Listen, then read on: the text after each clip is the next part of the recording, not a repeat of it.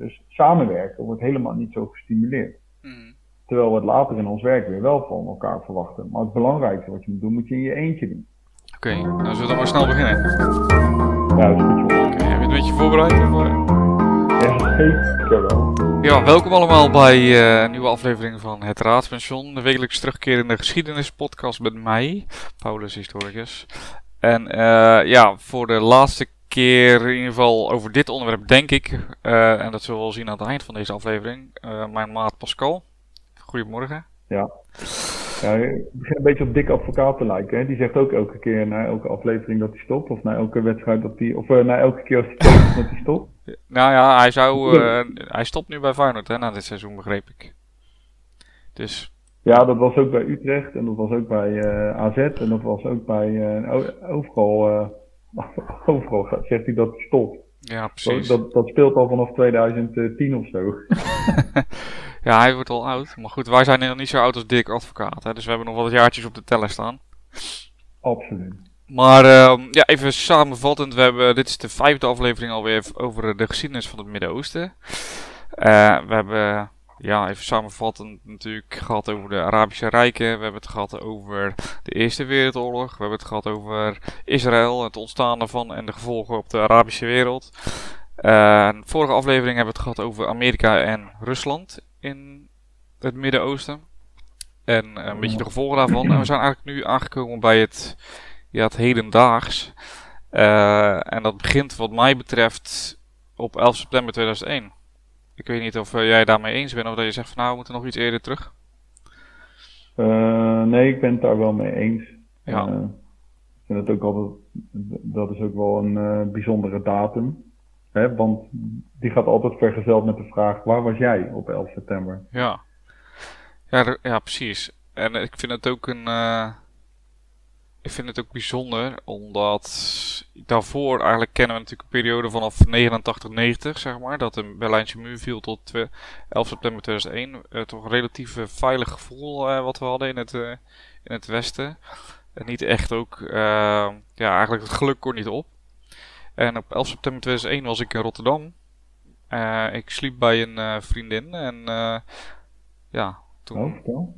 Ja, ja, dat valt weinig over te vertellen verder. Tenminste, niet voor deze podcast. Dan moet het een andere podcast worden. Maar goed.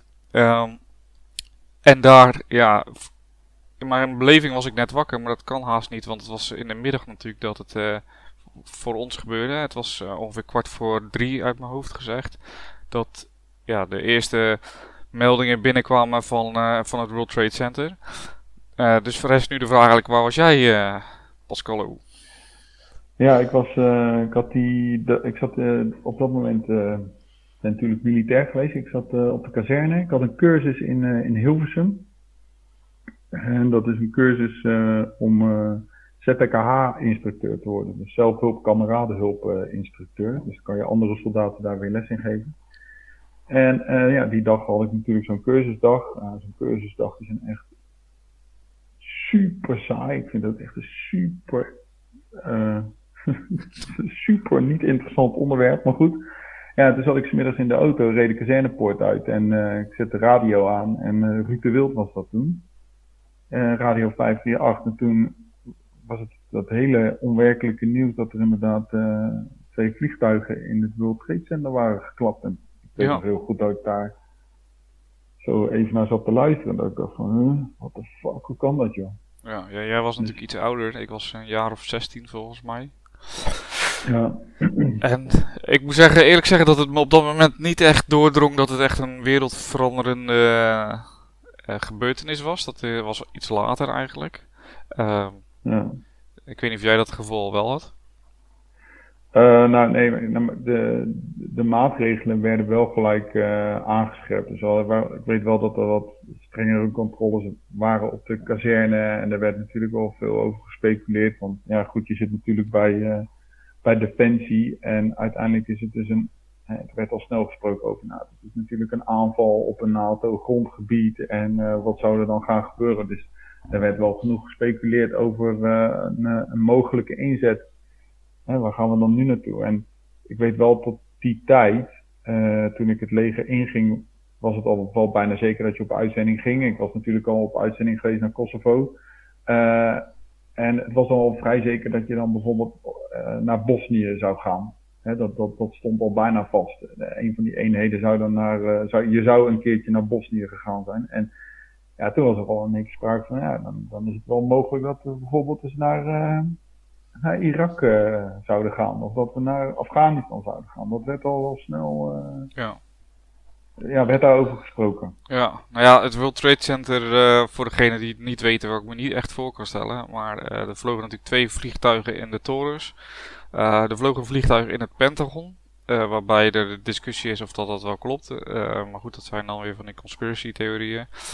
en er was een vliegtuig onderweg naar Washington. maar die is door de passagiers die in dat vliegtuig zaten, ja, die hebben dat verijdeld eigenlijk, die aanslag. Waardoor die ja. uh, crashte in een, uh, in een weiland.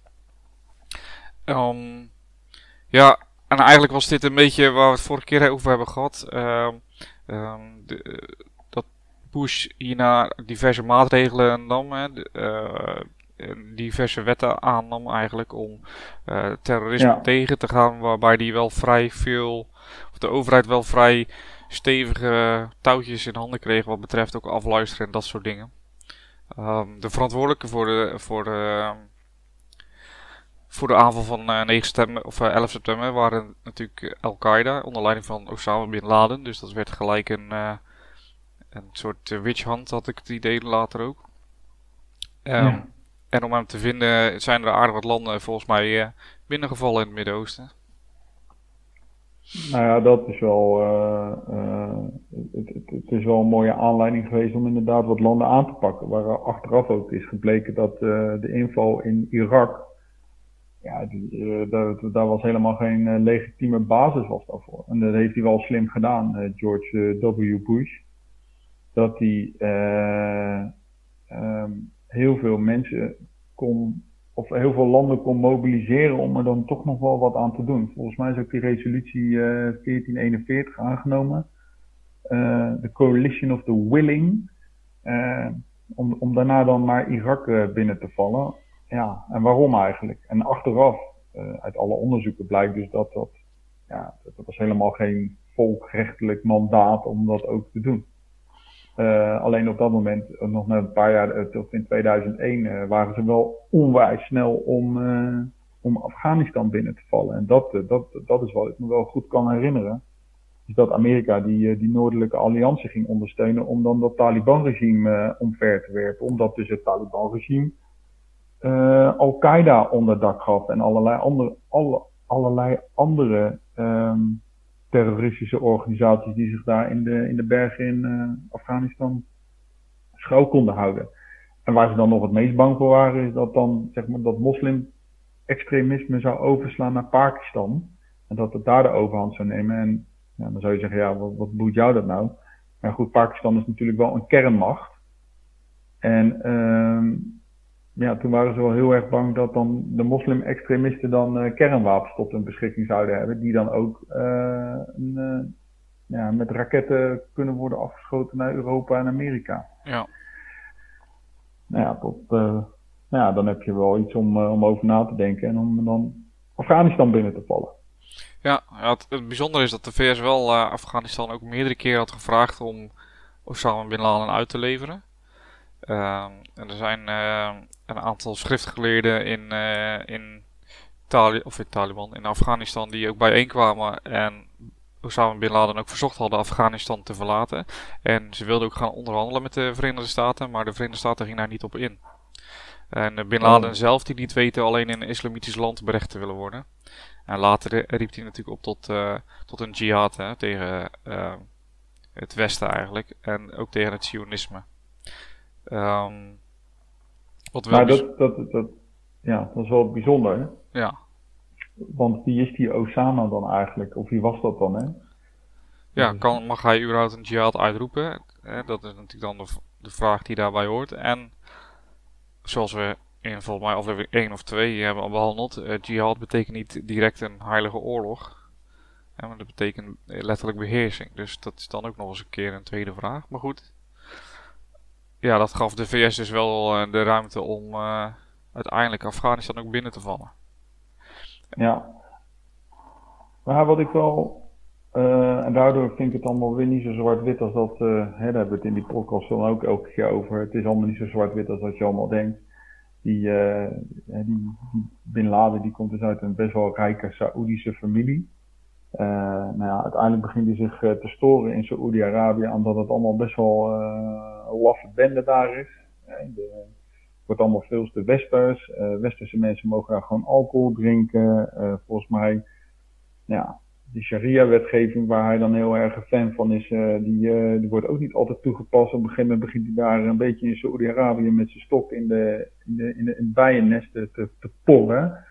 En dan zijn die Saoediën, die, de Saoedische overheid is volgens mij ook zat. En dan zegt hij van, uh, ja, opzouten, spullen pakken en wegwezen. Ja, en dan vindt hij dus een hel in, in Afghanistan. Ja, en dan zit je daar. Ja, en dan ga je het van daaruit maar een beetje organiseren dat vind ik dan wel echt heel, heel wonderlijk, want je bent het dus ergens niet mee eens. Uiteindelijk eh, begin je dan zo een beetje in de, in de, te rommelen. Dan moet je weg.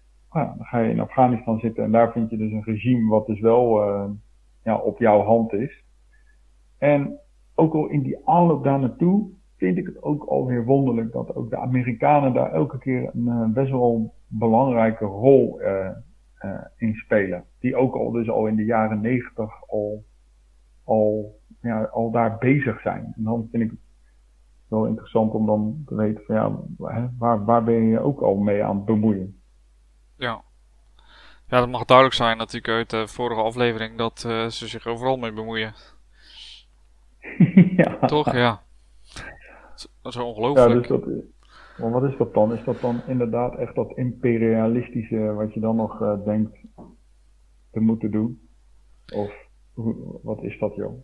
Ja, dat, ja, dat is een goede vraag. Ik denk dat het toch een soort uh, overblijfsel is uit de Koude Oorlog of iets dergelijks. Dat je, ja. Nou ja, ik wil niet naar de. Uh, ik, ik, wil zeker niet de kant op van die conspiracy theories en zo. Maar wat ik wel een interessante gedachte vind, is, is dat er in de jaren 80 eh, bij Reagan, uh, dat er al wordt nagedacht over, oké jongens, het communisme dat is op zijn retour. Uh, de jaren 80 is natuurlijk, Rusland is dan niet meer de, de wereldmacht. Dat communisme dat, dat, dat zakt in elkaar.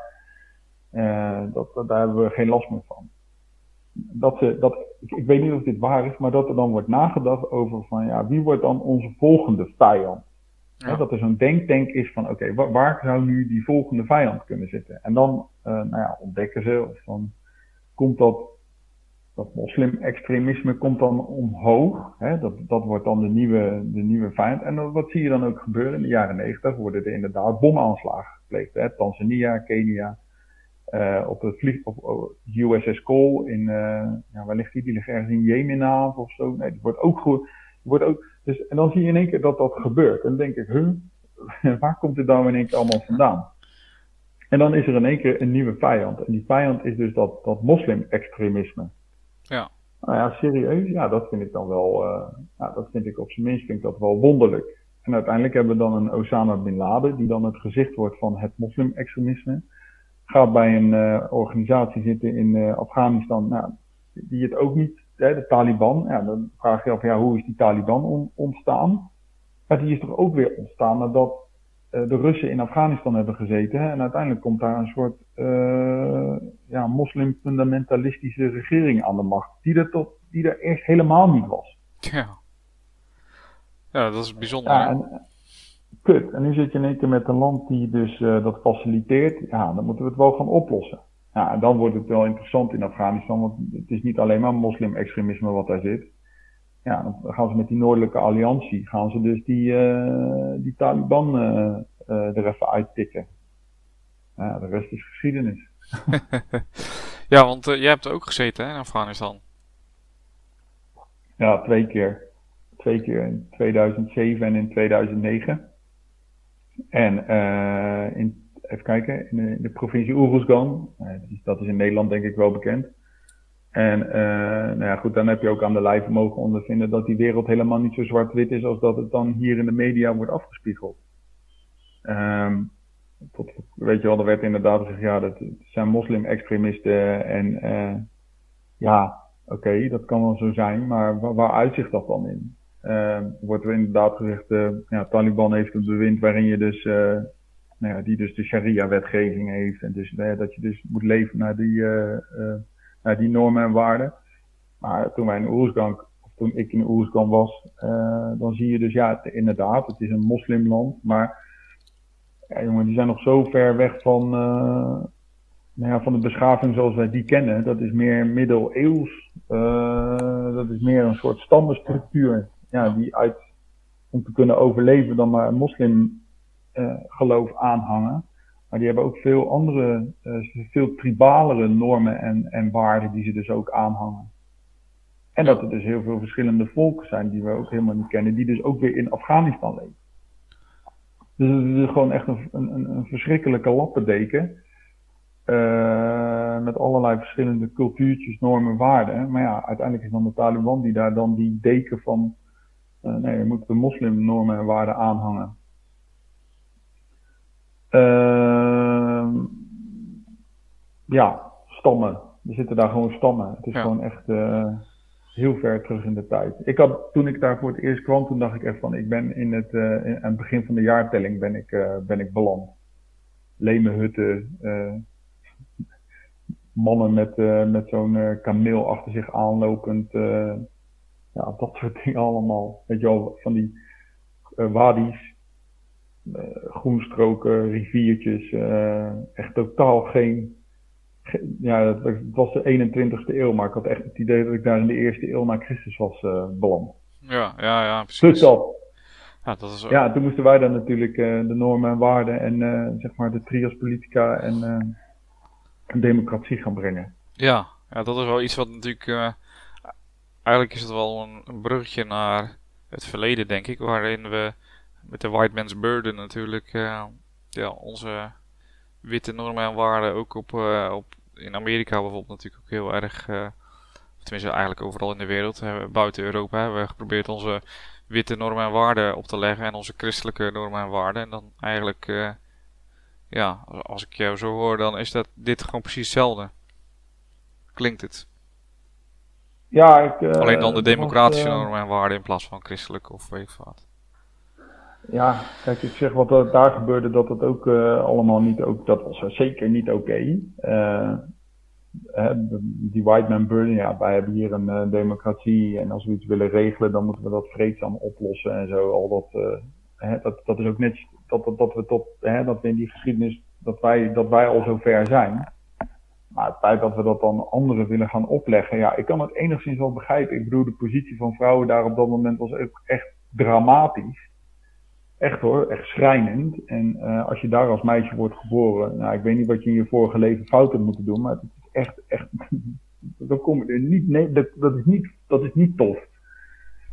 Uh, ja, ik snap ook wel dat je die positie wil verbeteren. Ik had laatst een interview gelezen in de Volkskrant en uh, de, de hoogste persoon binnen buitenlandse zaken, die toen de tijd verantwoordelijk was voor uh, van nou, hoe gaan we dat gebied daar dan ontwikkelen met Nederlandse steun.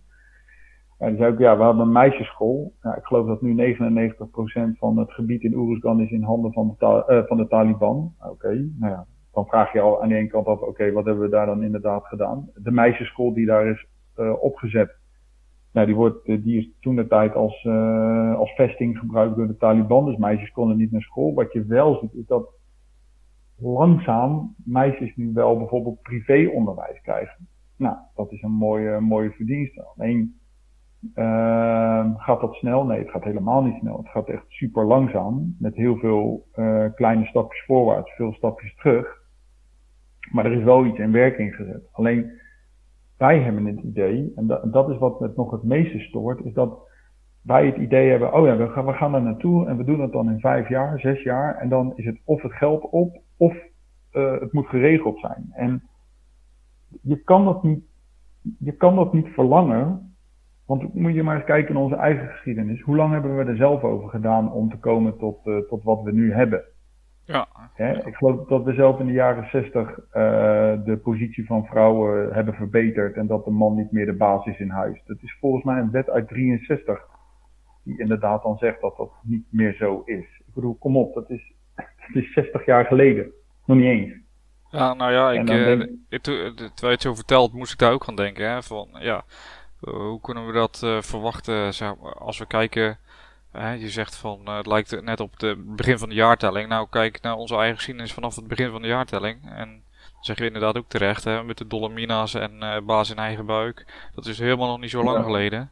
En dan verwachten we dat binnen vijf jaar, dus die evolu evolu evolutie verwachten we binnen vijf jaar dan ook daar te, even te bewerkstelligen. Ja, dat is gewoon. Ja, dat gaat heel erg. Je moet ook, ja, daar heb ik ook wel eens een keer.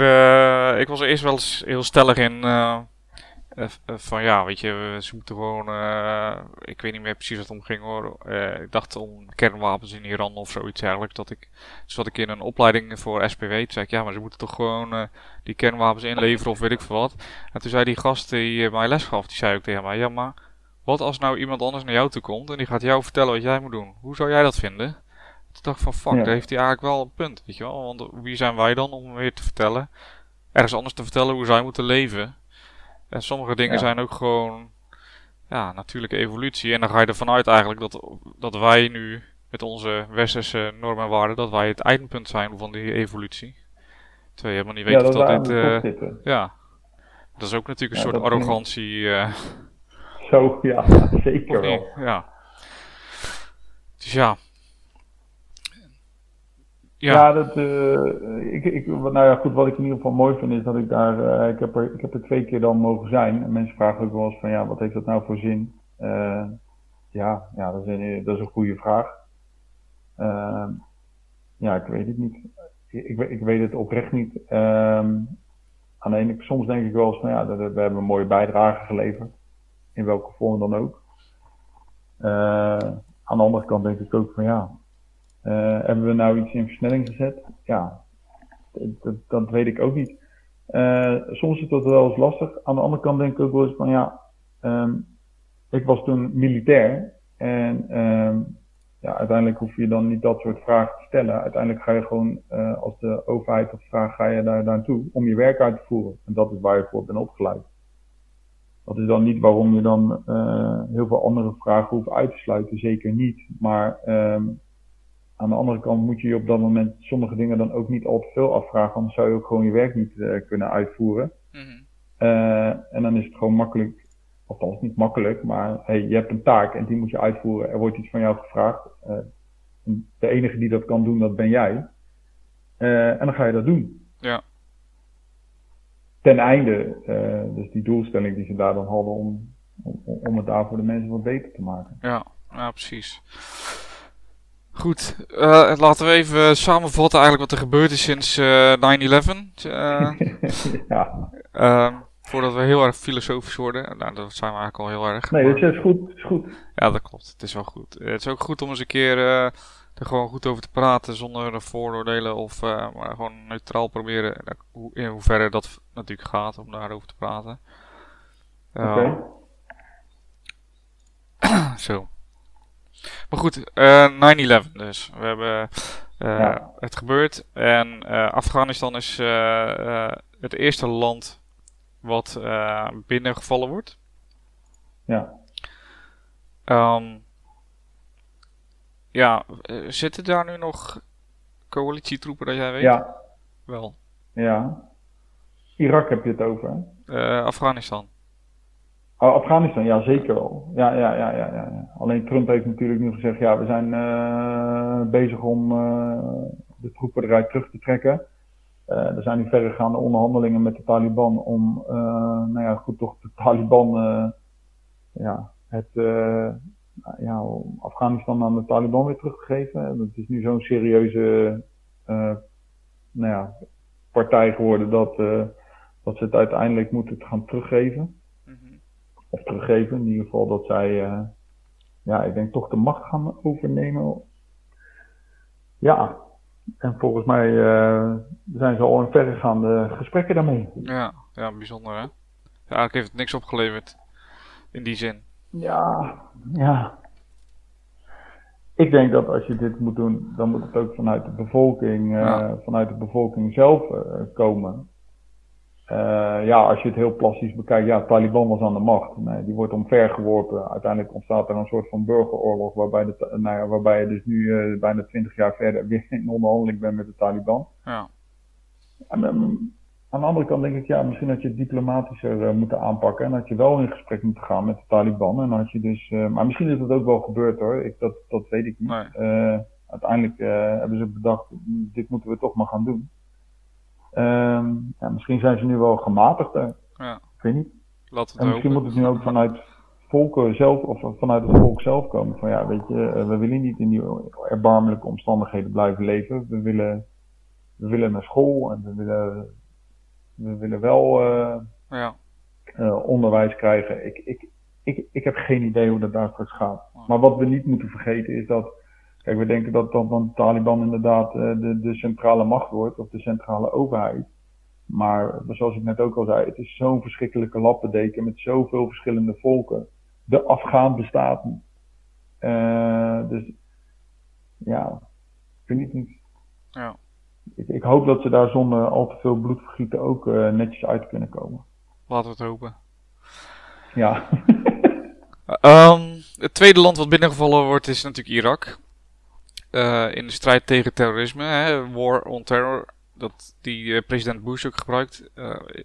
we duiden toch die periode, is een beetje 2001, 2009 is een beetje de, die periode. Nou, we vallen Irak binnen. Nou, we weten wat daar natuurlijk gebeurd is. We hebben we, ik zeg we, maar dat is natuurlijk niet zo.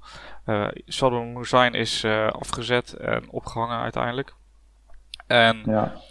um, het is wel interessant. Ik, heb, ik weet niet of jij Beatrice Potter kent. Zeg ik het goed? Ja. Ja. Uh, terrorisme-expert. En het is wel interessant. zij legt ook uit hoe, zeg maar, want we moeten nou echt naar nu, voordat we daar nog een aflevering aan moeten plakken. Dus we moeten naar het nu. en um, ja. ja, dan zie je toch het ontstaan van IS, zeg maar. De, de dat is wel een beetje Al-Qaeda, maar dan wat extremer. En die is wel ontstaan uh, in de gevangenissen van Irak, waar... Mm, ja. Je steekt je vinger op. ja, ik steek moet een handje, want hier... Uh, want daar is ook zo'n interessante theorie over. Toen uh, Amerika uh, Nazi-Duitsland bezette toen werden heel veel mensen die dus in die, uh, heel veel mensen die bepaalde functies hadden in, de, in die lokale overheid en in de overheid justitie en dat soort dingen allemaal, die ook wel een natieverleden hadden, die werden inderdaad uh, ook alweer bijgehaald. En dan zeggen nou, hè, we gaan Nieuw Duitsland oprichten en uh, kun je weer wat voor ons betekenen? Ja, natuurlijk kunnen we weer wat betekenen.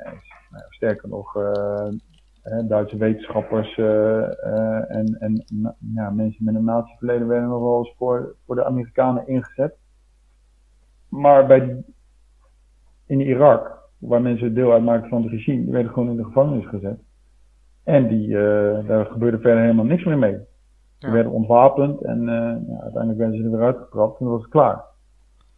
Ja, volgens mij is daar ook weer het zaadje geplant van, uh, oké jongens, wat gaan we nu doen? Ja, dus waarom, hebben ze die, waarom hebben ze dat nu zo totaal anders gedaan? Ja, dat is een goede vraag. Ik vraag me af of ze er überhaupt wel over na hebben gedacht.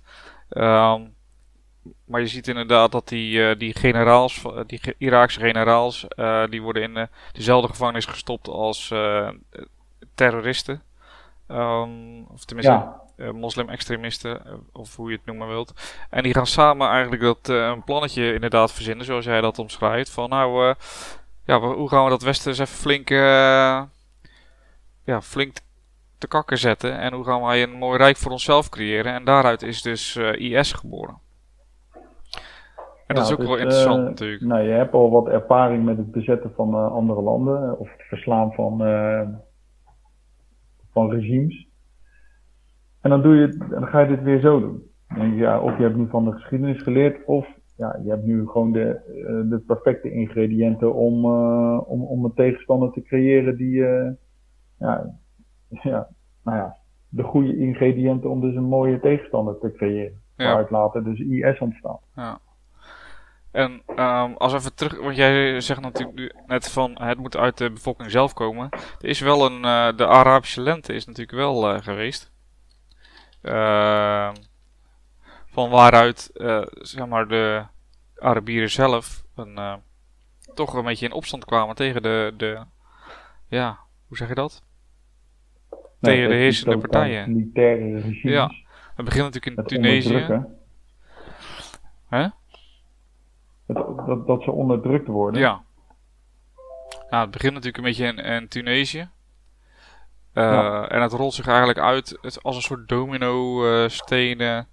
Rolt het uit over heel uh, de Arabische wereld. Algerije, Jordanië in 2011, Oman in 2011, Saudi-Arabië, waar protesten zijn. Egypte natuurlijk, wat vrij bekend is ook van tv. Ehm, en natuurlijk de Syrische, burger op, Syrische burgeroorlog, die nog steeds aan de gang is. Ja, dat is echt bizar. Ja. Um, we kennen natuurlijk ook uh, Libië natuurlijk, waar uh, Gaddafi, kolonel Gaddafi, uh, de leiding had. Nou, die is dan omvergeworpen met NAVO, NAVO-hulp. Ik denk dat het ook Engeland en Amerika zo heel goed uitkomt dat die, dat die man gewoon is vermoord, hè? Ja, ja dat, dat geloof ik gelijk. Dat geloof ik gelijk.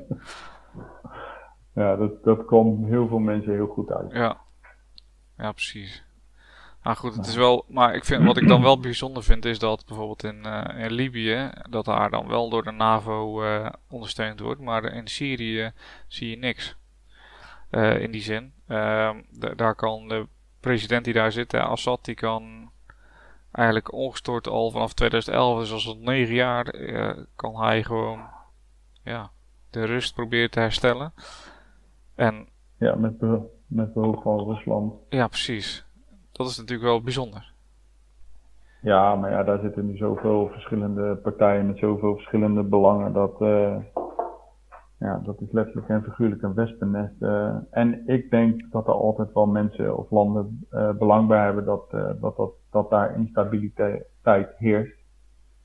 Want nou ja, dat, weet je, zolang daar nog aan de Turkse grens ook nog allemaal ellende is, dan moet Turkije zich daar ook allemaal weer mee bezighouden. Kan zich weer niet op andere dingen focussen. Dus ja, het, het, werkt ook allemaal wel complottheorieën in de hand. Maar ik denk dat er achter de schermen inderdaad, wat wij allemaal niet weten, toch wel best wel veel gebeurt waarin mensen een belang hebben. Uh, en dat we denken van ja, waarom kunnen we dit nou niet oplossen? Ja, dat komt omdat er achter de schermen gewoon mensen een belang hebben. Landen hebben een belang, waardoor die voordeel halen uit uh, de ellende van een ander. Ja, ja. En ik, ik denk dat dat een hele goede conclusie is. ja, dat denk ik ook, ja.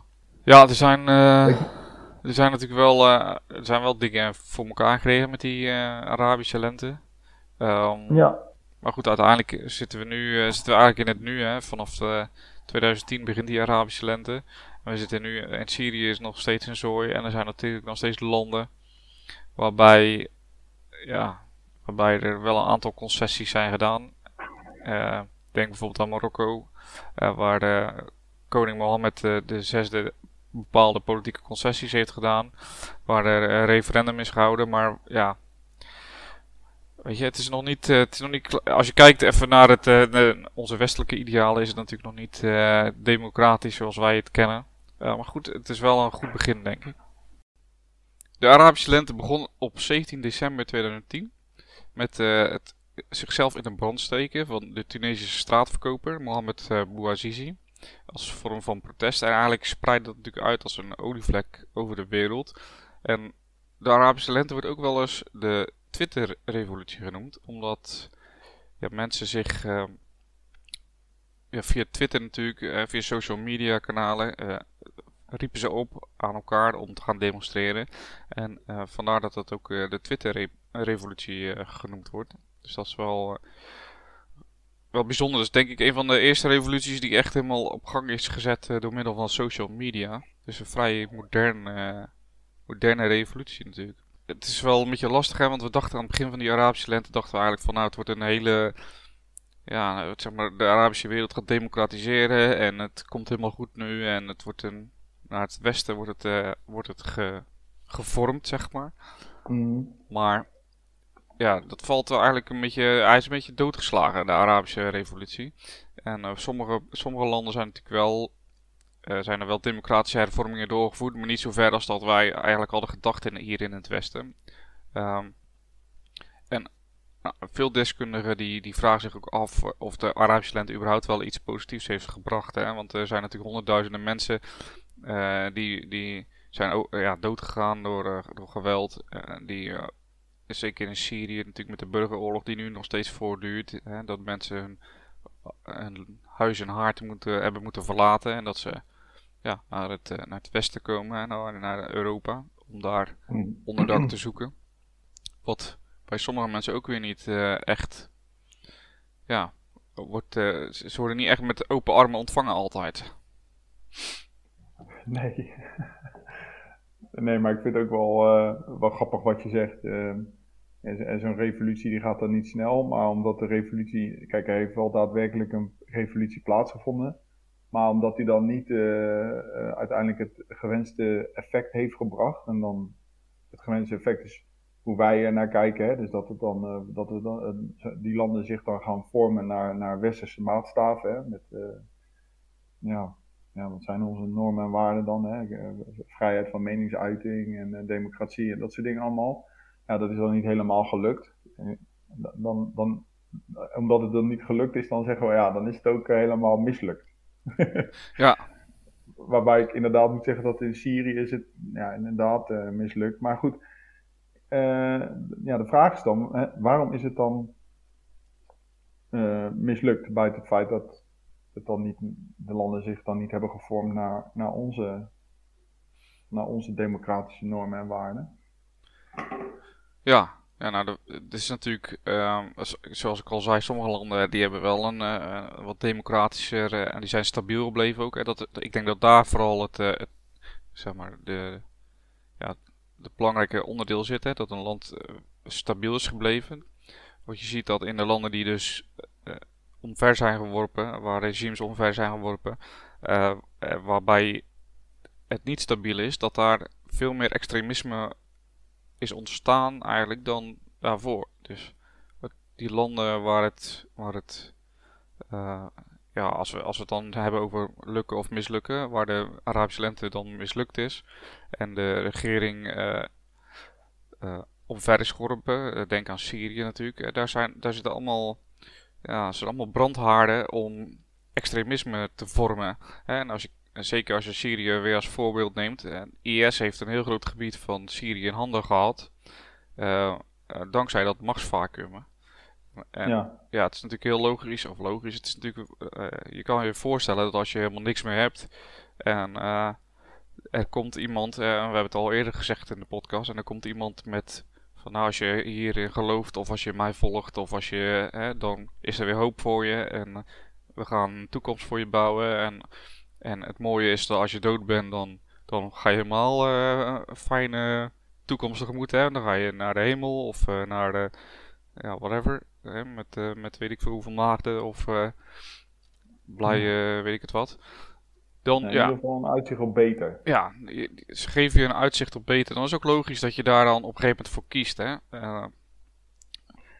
Nou ja, en ik denk ook dat je, dat je uiteindelijk op het menselijke aspect, als je dus helemaal niks meer hebt, je hebt, je hebt helemaal niks, uh, toekomst ziet er ook slecht uit. En dan komt dan iemand naar je, Ja, je hebt gewoon een baantje of je hebt geen baan. Nog erger, je hebt geen baantje. En dan komt dan iemand naar je toe en die zegt: uh, Nou, weet je wat, we gaan het, uh, we gaan het helemaal opnieuw doen.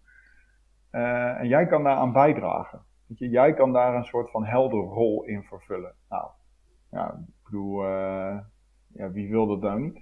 Ja. Bijdragen aan iets, aan iets groters dan dat, dan dat jij zelf bent. Ja ja, ik kan me best voorstellen dat, uh, dat sommige mensen daar heel overtuigend in kunnen zijn. En dat je, dus, uh, dat je daar dus een beslissing in neemt om daar dus aan, aan bij te dragen. Ik bedoel, want slechter dan dat je het al hebt, dan uh, dat kan eigenlijk niet. Nee, precies.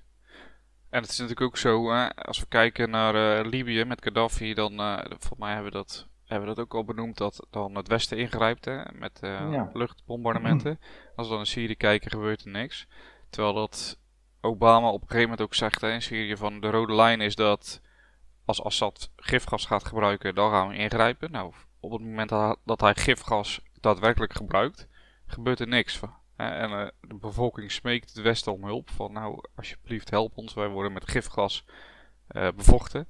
maar er gebeurt niks, weet je. Dus dat is ook weer een, ja, we, we, hebben het wel eens gehad over de beloftes hè, die de Britten hebben gedaan en, en de Fransen aan iedereen.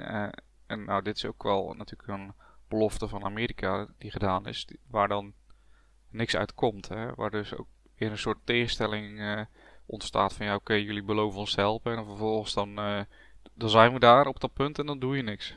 en, en, dat heeft natuurlijk ook te maken met Rusland, hè, die, die, die Assad steunt. Dus dat bemoeilijkt de zaak natuurlijk behoorlijk. Hè. Dan krijg je weer een beetje. Ik, ik weet niet helemaal waarom Rusland Assad steunt. Weet jij dat toevallig?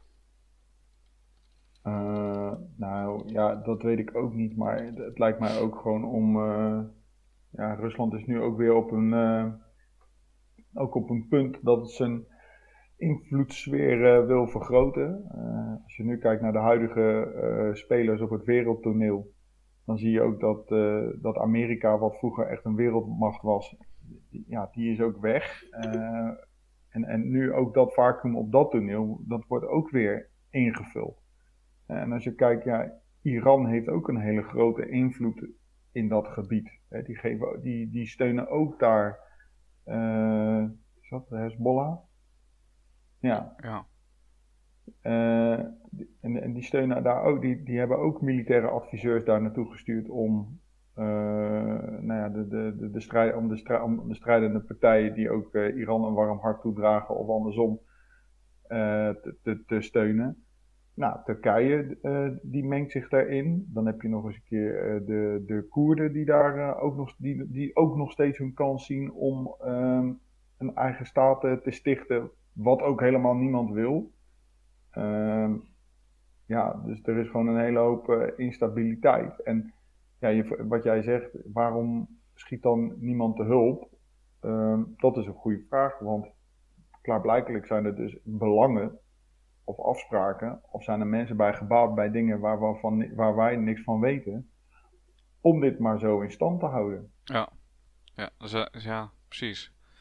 Goed, zijn wel historisch gezien natuurlijk wel een paar uh, redenen te bedenken waarom Rusland uh, natuurlijk Assad ook steunt.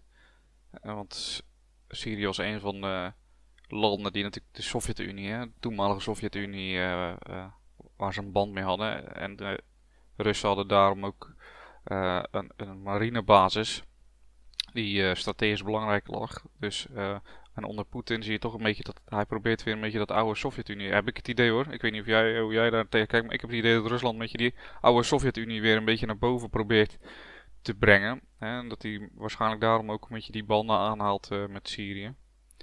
Ja. Ook om daar natuurlijk een uitvalsbasis of iets te hebben in het Midden-Oosten. Ja, dat, dat, dat willen ze ook heel graag. Maar uh, Syrië heeft geen. Uh, ja, die heeft natuurlijk daar wel een, uh, een, een, een, grens aan de Middellandse Zee. Ja. Ja, en dat is voor, voor Rusland is dat gunstig. Want het rare voor Rusland is dus dat zij. ze zijn echt het grootste land van de wereld. En dan moet je je voorstellen dat ze dus de, de, de slechtste posities hebben om een, een haven te hebben. dat is toch echt zo, dat is zo bizar. Ja, dat is natuurlijk ook de reden waarom ze uh, de Krim natuurlijk toen de tijd weer geannexeerd hebben. Waar ook helemaal niks aan gedaan is overigens natuurlijk. Heel bijzonder. Nee, ehm, dat kan allemaal maar. Dat mag allemaal maar. Ja. Dat, eh, maar goed, als je kijkt, uh, kijk, ze zijn in 91 natuurlijk uiteengevallen. En uh, de, de vraag is, volgens mij hebben wij als westerse wereld ook aardig zitten slapen. Op een gegeven moment was die dreiging vanuit Rusland was helemaal weg, dachten we. En, en nu ja, proberen ze dan toch wel weer mee te doen.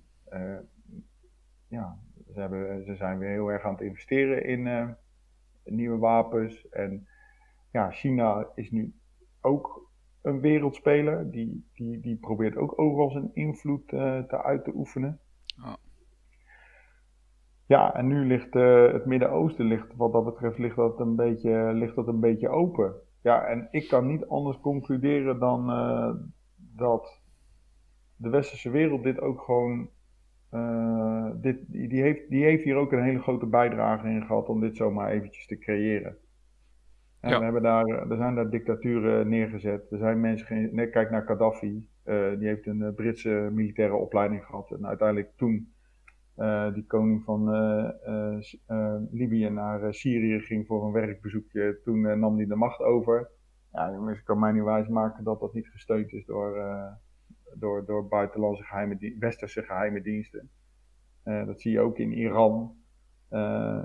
dat, dat zie je overal. Ja, ik, weet je, als, als ik mij heel eerlijk vraagt, persoonlijk vind ik dat, dat, dat de westerse wereld daar echt een, een zootje van heeft gemaakt. En ik vind dat we nou niet in één keer moeten zeggen, ja, nee, eh, nu komt China, nu komt Rusland. Uh, nee, dat, dan mag het niet. nee, ja, ja, ja, ja. dat is ook zo. Het is ook, ja, het is een, bijzonder hoe, ja, wat we eigenlijk, hoe zeg je dat, onze, onze normen en waarden dan willen opdringen of zo. Of dat we ja, ja maar dat zit ook dus echt zo diep geworteld in ons. Ja. Want dat, ik vind het wel mooi hoe je dan in het begin uh, zegt van ja, die Arabische lente, ja, die is eigenlijk mislukt. Ja, ja, ja oké, wat, zijn dan, uh, wat zijn dan die factoren waardoor het dan mislukt is? Ja, omdat wij het dus spiegelen aan hoe wij een democratie zien. Weet je, hoe, hoe wij ons land hebben ingericht. En ik vind dat wij daar altijd nog wel een soort van arrogantie in hebben over hoe we dan willen dat het in andere landen eraan toe gaat. Ja. ja. ja. Nou, ik kan me best begrijpen. Kijk, ik ben echt voor vrijheid van meningsuiting en zelfontplooiing. En uh, dat zeg maar het individu in een land, uh, dat je daar bepaalde rechten hebt en zo. En, uh, maar ja, we moeten ook erkennen dat het in andere landen er anders aan toe gaat. En ja, de vraag is, is dat ook per definitie, is dat ook per definitie slecht? Dat, ja. ja. dat vind ik wel een interessante uh, discussie. Want ja, ook, dus kijk maar naar andere, andere culturen. Weet je, hoe, hoe dingen daar anders zijn, uh, zijn ingericht. Nou, zijn mensen daar uh, per definitie minder gelukkig? Of uh, omdat, ja, omdat ze een minder soort van vrijheid hebben? En dan vind ik ook interessant wat dan vrijheid precies is. Ja, en is het hier dan wel zoveel beter? Ja, dat, dat, dat weet ik niet. Dat, dat denken wij, omdat wij hier, ja, wel denk ik redelijk naar ons zin hebben. Dat we ook een bepaalde vrij, mate van vrijheid hebben. Maar dat ook die mate van vrijheid ook wel heel erg beklemmend en beangstigend kan zijn. Ja, vind ik een mooie filosofische gedachte. Ja, dat dacht ik.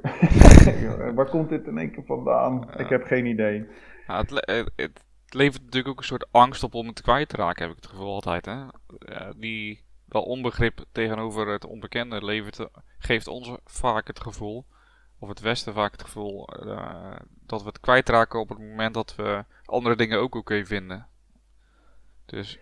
Ja, nou ja, en dan komt het ook wel dichterbij. En ik denk dat dan die cirkel wel, wel weer rond is. Hè? Dus dat wij, uh, ja, wij, of dat dan de gedachte is, uh, ja, waarom lopen hier dan uh, meisjes met een hoofddoek om? Uh, dan is een hoofddoek is dan in één keer een vorm van beperking en onderdrukking.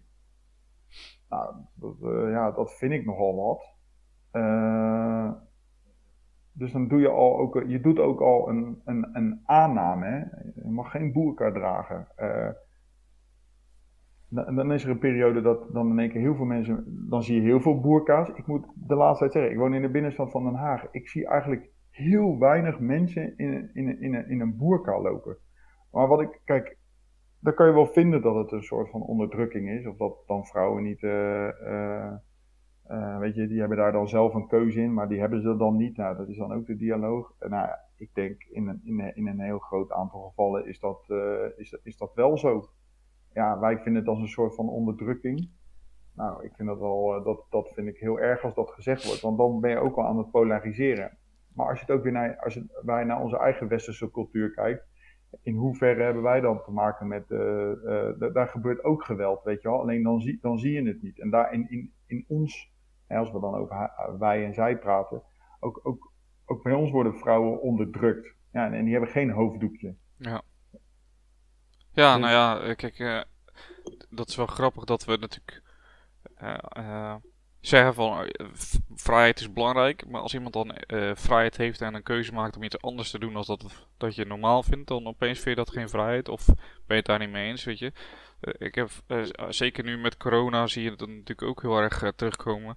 Op het moment dat mensen anders gaan denken of een andere mening hebben, zijn het opeens schapen of hè, ben je niet wakker genoeg of weet je, vrij, het werkt twee kanten op. Vrijheid werkt twee kanten op. Het werkt de kant op dat jij zegt van nou, wat ik vind, vind ik belangrijk. Maar het moet ook de, andere kant op werken. Dat wat de ander vindt, dat dat net zo belangrijk is als wat jij vindt. En dat je daar, als je het niet met elkaar eens bent, dat je dan in ieder geval uh, het respect hebt om elkaar daar, uh, ja, om dat te accepteren, zeg maar. Agree to disagree, zeg maar. Maar dat, dat lijkt wel steeds minder te zijn, weet je wel eh, ja, vrijheid is belangrijk, maar als je niet denkt zoals ik, dan ben je een lul. Weet je? Ja, hoe, hoe, dat, is ook geen vrijheid. Toch? ja, dat zeg, dat zeg je heel goed. Ja. Ja, maar dus aan de andere kant is dus vrijheid, vrijheid ook heel erg beperkend. Want uiteindelijk, dat zie je nu ook bij onze overheid. Uh, onze overheid is ontzettend bang om te zeggen: oké, we gaan nu in een lockdown en we gaan drie weken gaan we lang. Uh, dan leggen we echt strikte maatregelen op. Uh, er wordt nog steeds wordt er een beroep gedaan op, uh, op het gezonde verstand. Draag een mondkapje. Uh, weet je wel, we, we, zouden het erg fijn vinden als je een mondkapje op deed in de publieke ruimte. Ja, toch ja, hebben mensen dan toch de vrijheid om te zeggen, oh, dat ga ik dan niet doen. Ja. aan de andere kant hebben ze ook de vrijheid om op het internet te gaan zoeken naar, naar hun waarheid. En als ze vinden dat het hun waarheid is, gaan ze dat dan ook, gaan ze dan ook verkondigen. ja. Jij zei net, het is uh, de nieuwe revolutie die dat door Twitter is ontstaan.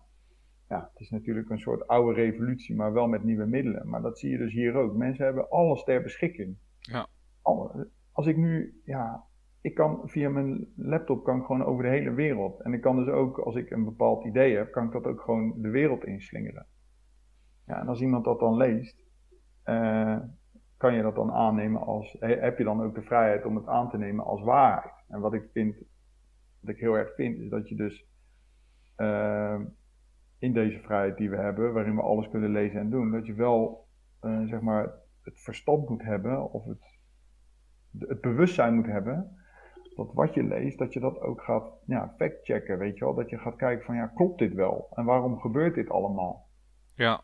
En zelfs, uh, maar ik denk dat je zelfs dan uh, met het factchecken, ja, dat, dat, dat, dat je dan ook nog gewoon een mist in kan gaan. Hè? Dat er ook gewoon een hoop uh, facts zijn die dan uiteindelijk, weet je, ik heb onderzoek gedaan naar en, dit en, hè, en dat dan heel dat onderzoek niet heeft plaatsgevonden of zo. Dus ik, ik denk dat, ja, ik denk dat we gewoon echt met een, die, die, de social media en hoe het nu gebruikt wordt, dat dat wel echt een ja, een nieuwe laag bevolking creëert, zeg maar, die ja, uh, heel vatbaar is voor, voor, voor dit soort dingen. En, en wat jij zegt, geen fact-check doet of uh, overal intuint of alleen zoekt naar de, naar de eigen waarheid. En als je dan iets uh, hè, ongedaan maakt, of hoe zeg je dat, een, een tegenargument geeft dat dat niet waar is, zeg maar. Dat, ik denk dat we daar wel, dat dat wel een soort ja, maar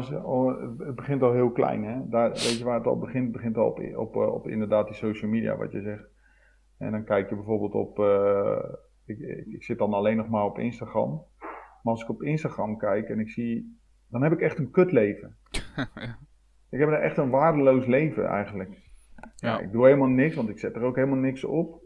Maar als ik ga kijken op, op, op, op Instagram en ik zie al die influencers voorbij komen, die allemaal live the happy life. En oh, ik ben zo, weet ik veel wat ze allemaal doen. Ik, moet er wel keihard om lachen. Uh, maar omdat ik voor mezelf ook een filter heb ingebouwd, dat ik denk van ja, dit is niet, dit is niet de waarheid. Weet je, het ware leven is ook uh, een stuk minder minder leuk dan dat ze doen voorspiegelen op, uh, op Instagram. En ik vind dat je wel, dat je ook die realiteit gewoon niet uit het leven, oh, of niet moet, uit het oog moet verliezen. Want anders kan je daar echt, dan kan je daar best diep ongelukkig van worden. Omdat je dus wel altijd ziet van ja, een ander heeft het wel beter, die heeft wel een beter huis, of die is, uh, ja, die doet wel vette dingen, of die hebben wel een, uh, een goed lijf. En ja, ik vind dat wel eens gevaarlijk hoor. Ja.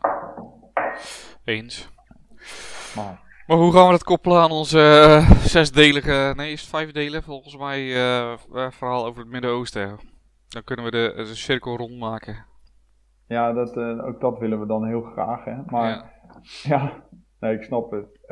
nou, hoe kan je, nou ja, dat, ehm, als we die cirkel rondmaken. Kijk, we hebben het nu natuurlijk over landen gehad. In het Midden-Oosten. En nou, die hebben zichtbaar een andere cultuur en gedachten.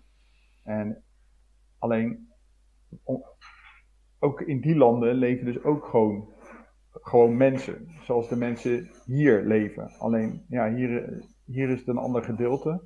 Waar, waaruit we uiteindelijk een andere uh, nou ja, cultuur en geloofsovertuiging hebben uh, gecreëerd. Nou, wil ook afvragen hoe dat allemaal is, is, is gekomen. Ja, het is daar niet anders dan dat het hier is. Nee. Nee, daar hebben ze ook gewoon, uh, daar hebben ze de Arabische Paulus-historicus die uh, daar een podcast zit op te nemen. Ik weet het zeker. Ja. Ik weet het zeker. Maar ik denk dat in de kern dat we eigenlijk allemaal wel het, uh, dat we het allemaal dat we hetzelfde willen. Hetzelfde is dan dat je een veilig thuis wil en nou ja, dat je jezelf kan ontplooien.